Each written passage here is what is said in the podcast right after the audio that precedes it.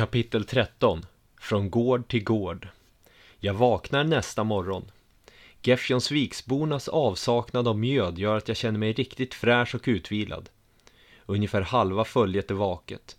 Det verkar också vara mycket piggare och fräschare än vad det brukar vara efter ett gille. Vanligtvis brukar det vakna med pannorna i långborden och sucka, kvida och jämra över huvudvärk. Jag bryter lite bröd som står på långbordet och dricker ett horn med vatten. Blotragnar, den äldre mannen med grått skägg och några till står i ett hörn och pratar. Tyke Röd kommer fram till mig. Ska vi ut och fiska en kort stund? frågar han. Jag vet ett riktigt bra ställe där det alltid nappar. Fortsätter han innan jag hinner öppna munnen. Öh, det vore kul. Men vi kanske ska rida från Gefjonsvik snart. Vad säger Blotragnar? svarar jag svävande. Det vore riktigt kul att få och fiska en stund. Skönt att slippa allt annat för ett tag. Men jag var inte beredd på att bli tillfrågad. Vi går väl och pratar med honom då, säger Tykeröd till slut. Jag reser mig upp från långbordet och vi går båda fram till Blotragnar och de andra som står i hörnet. Jag och Leif Smyckesskägg tänkte fara och fiska ett tag.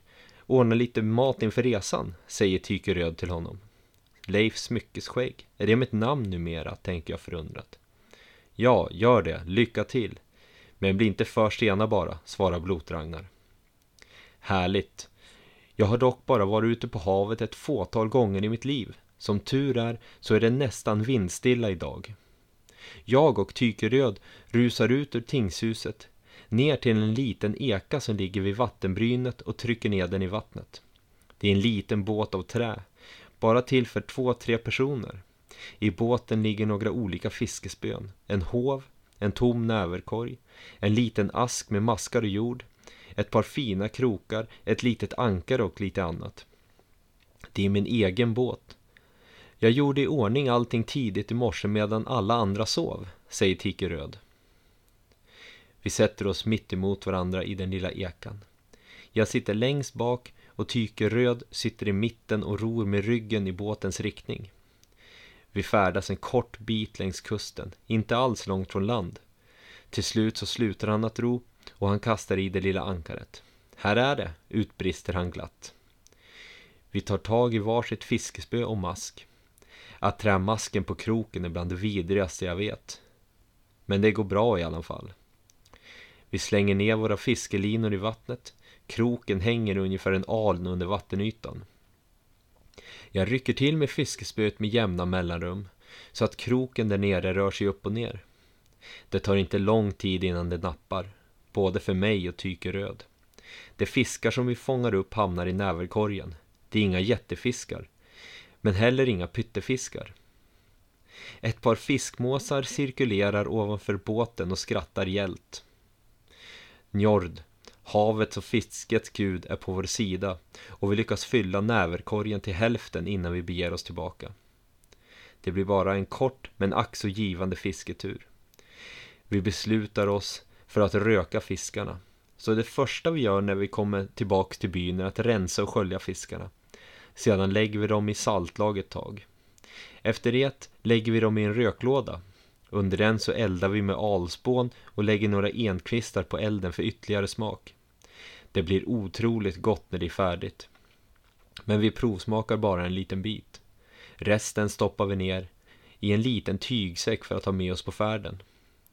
Vi beger oss tillbaka till tingshuset, uppe på höjden.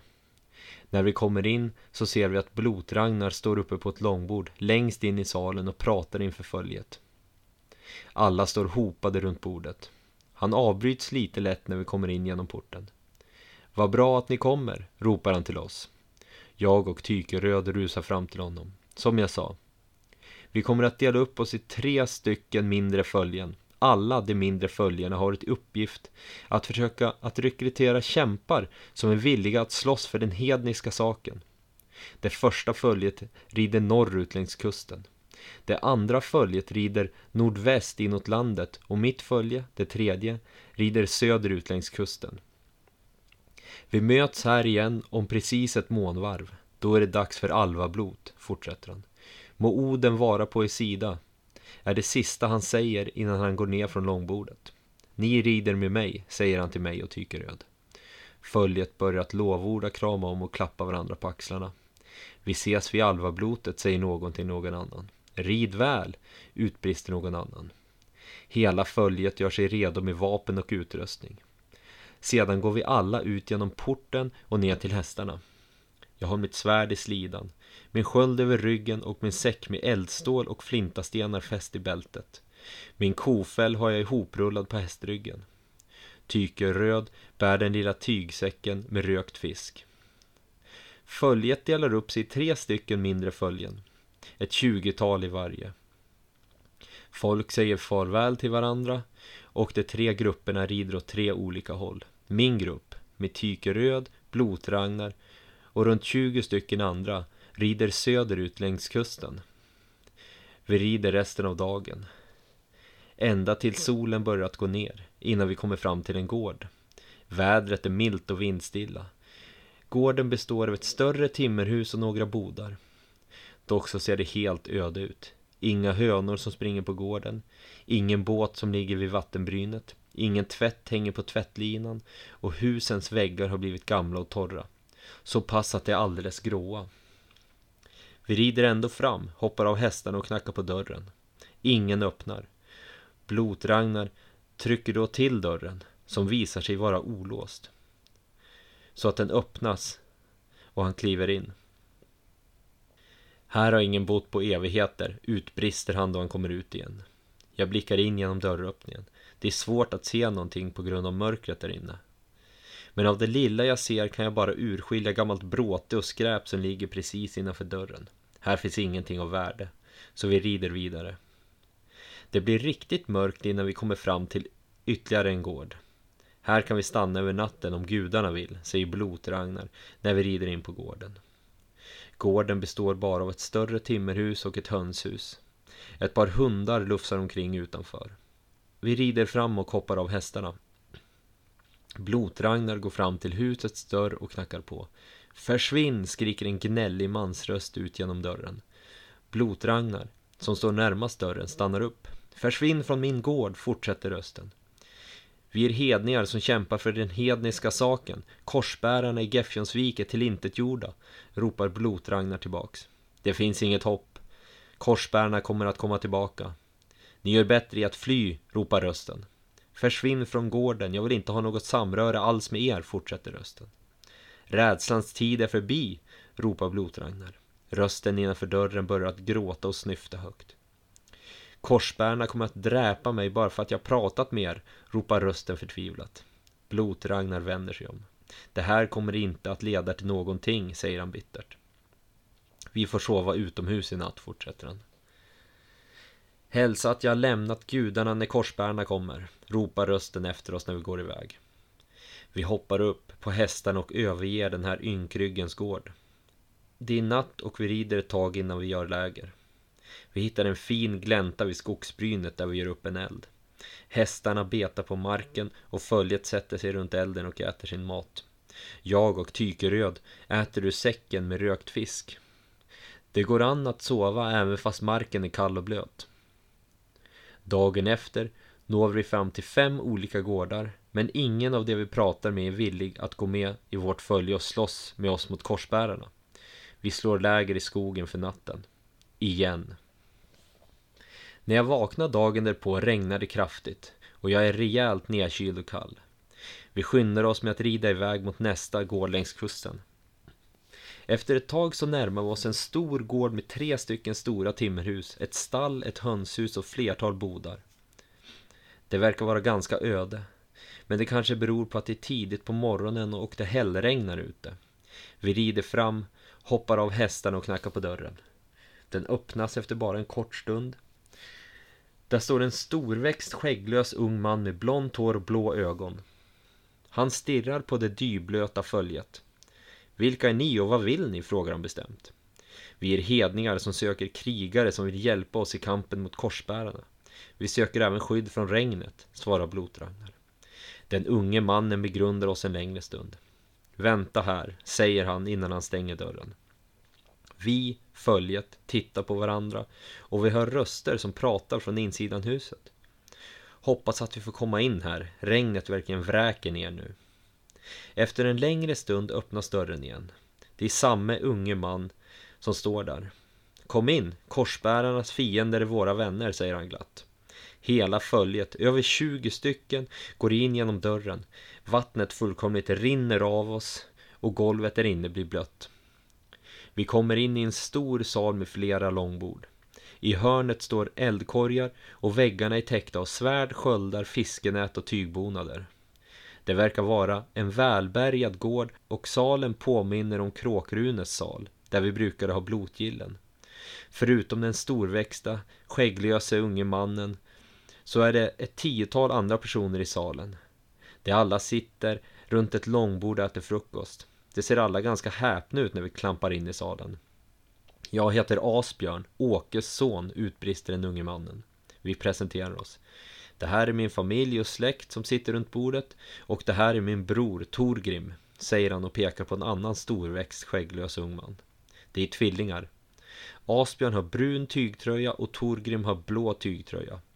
Annars är de nästintill identiska. Vi berättar om korsbärarnas framfart genom landet, belägringen av Gefjonsvik och de andra bygderna. Det vi har hört om kungen i Fröberga och om oss, det hedniska motståndet.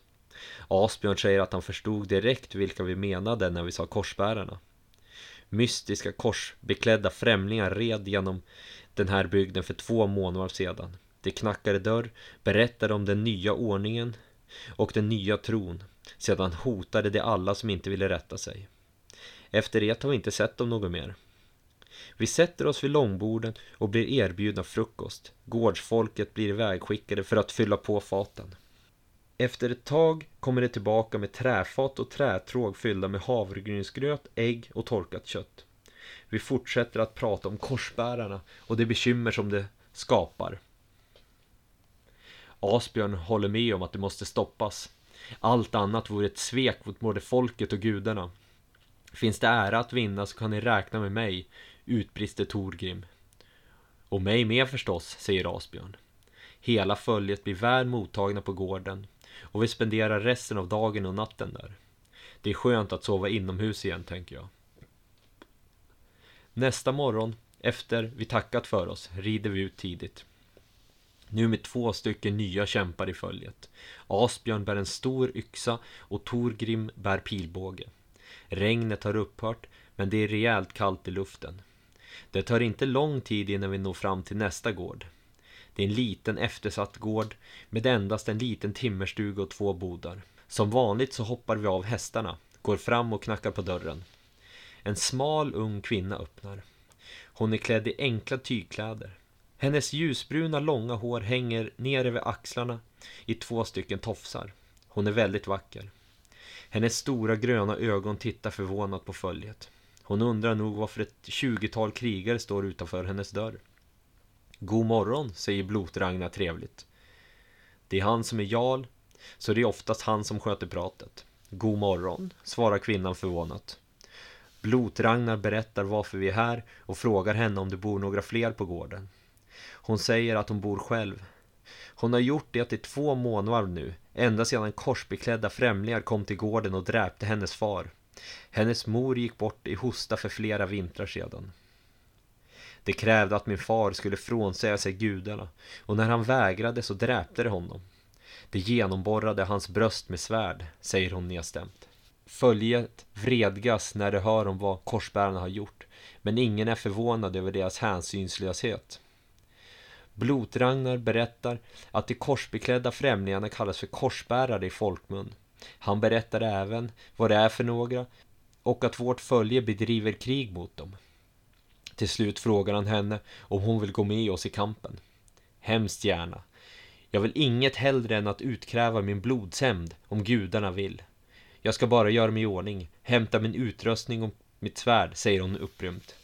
Hon stänger dörren och vi andra vilar oss ute på gården medan hon gör sig klar. Efter en kort stund öppnas dörren och hon kommer ut, iklädd en ljusbrun långklänning med gröna detaljer ner till.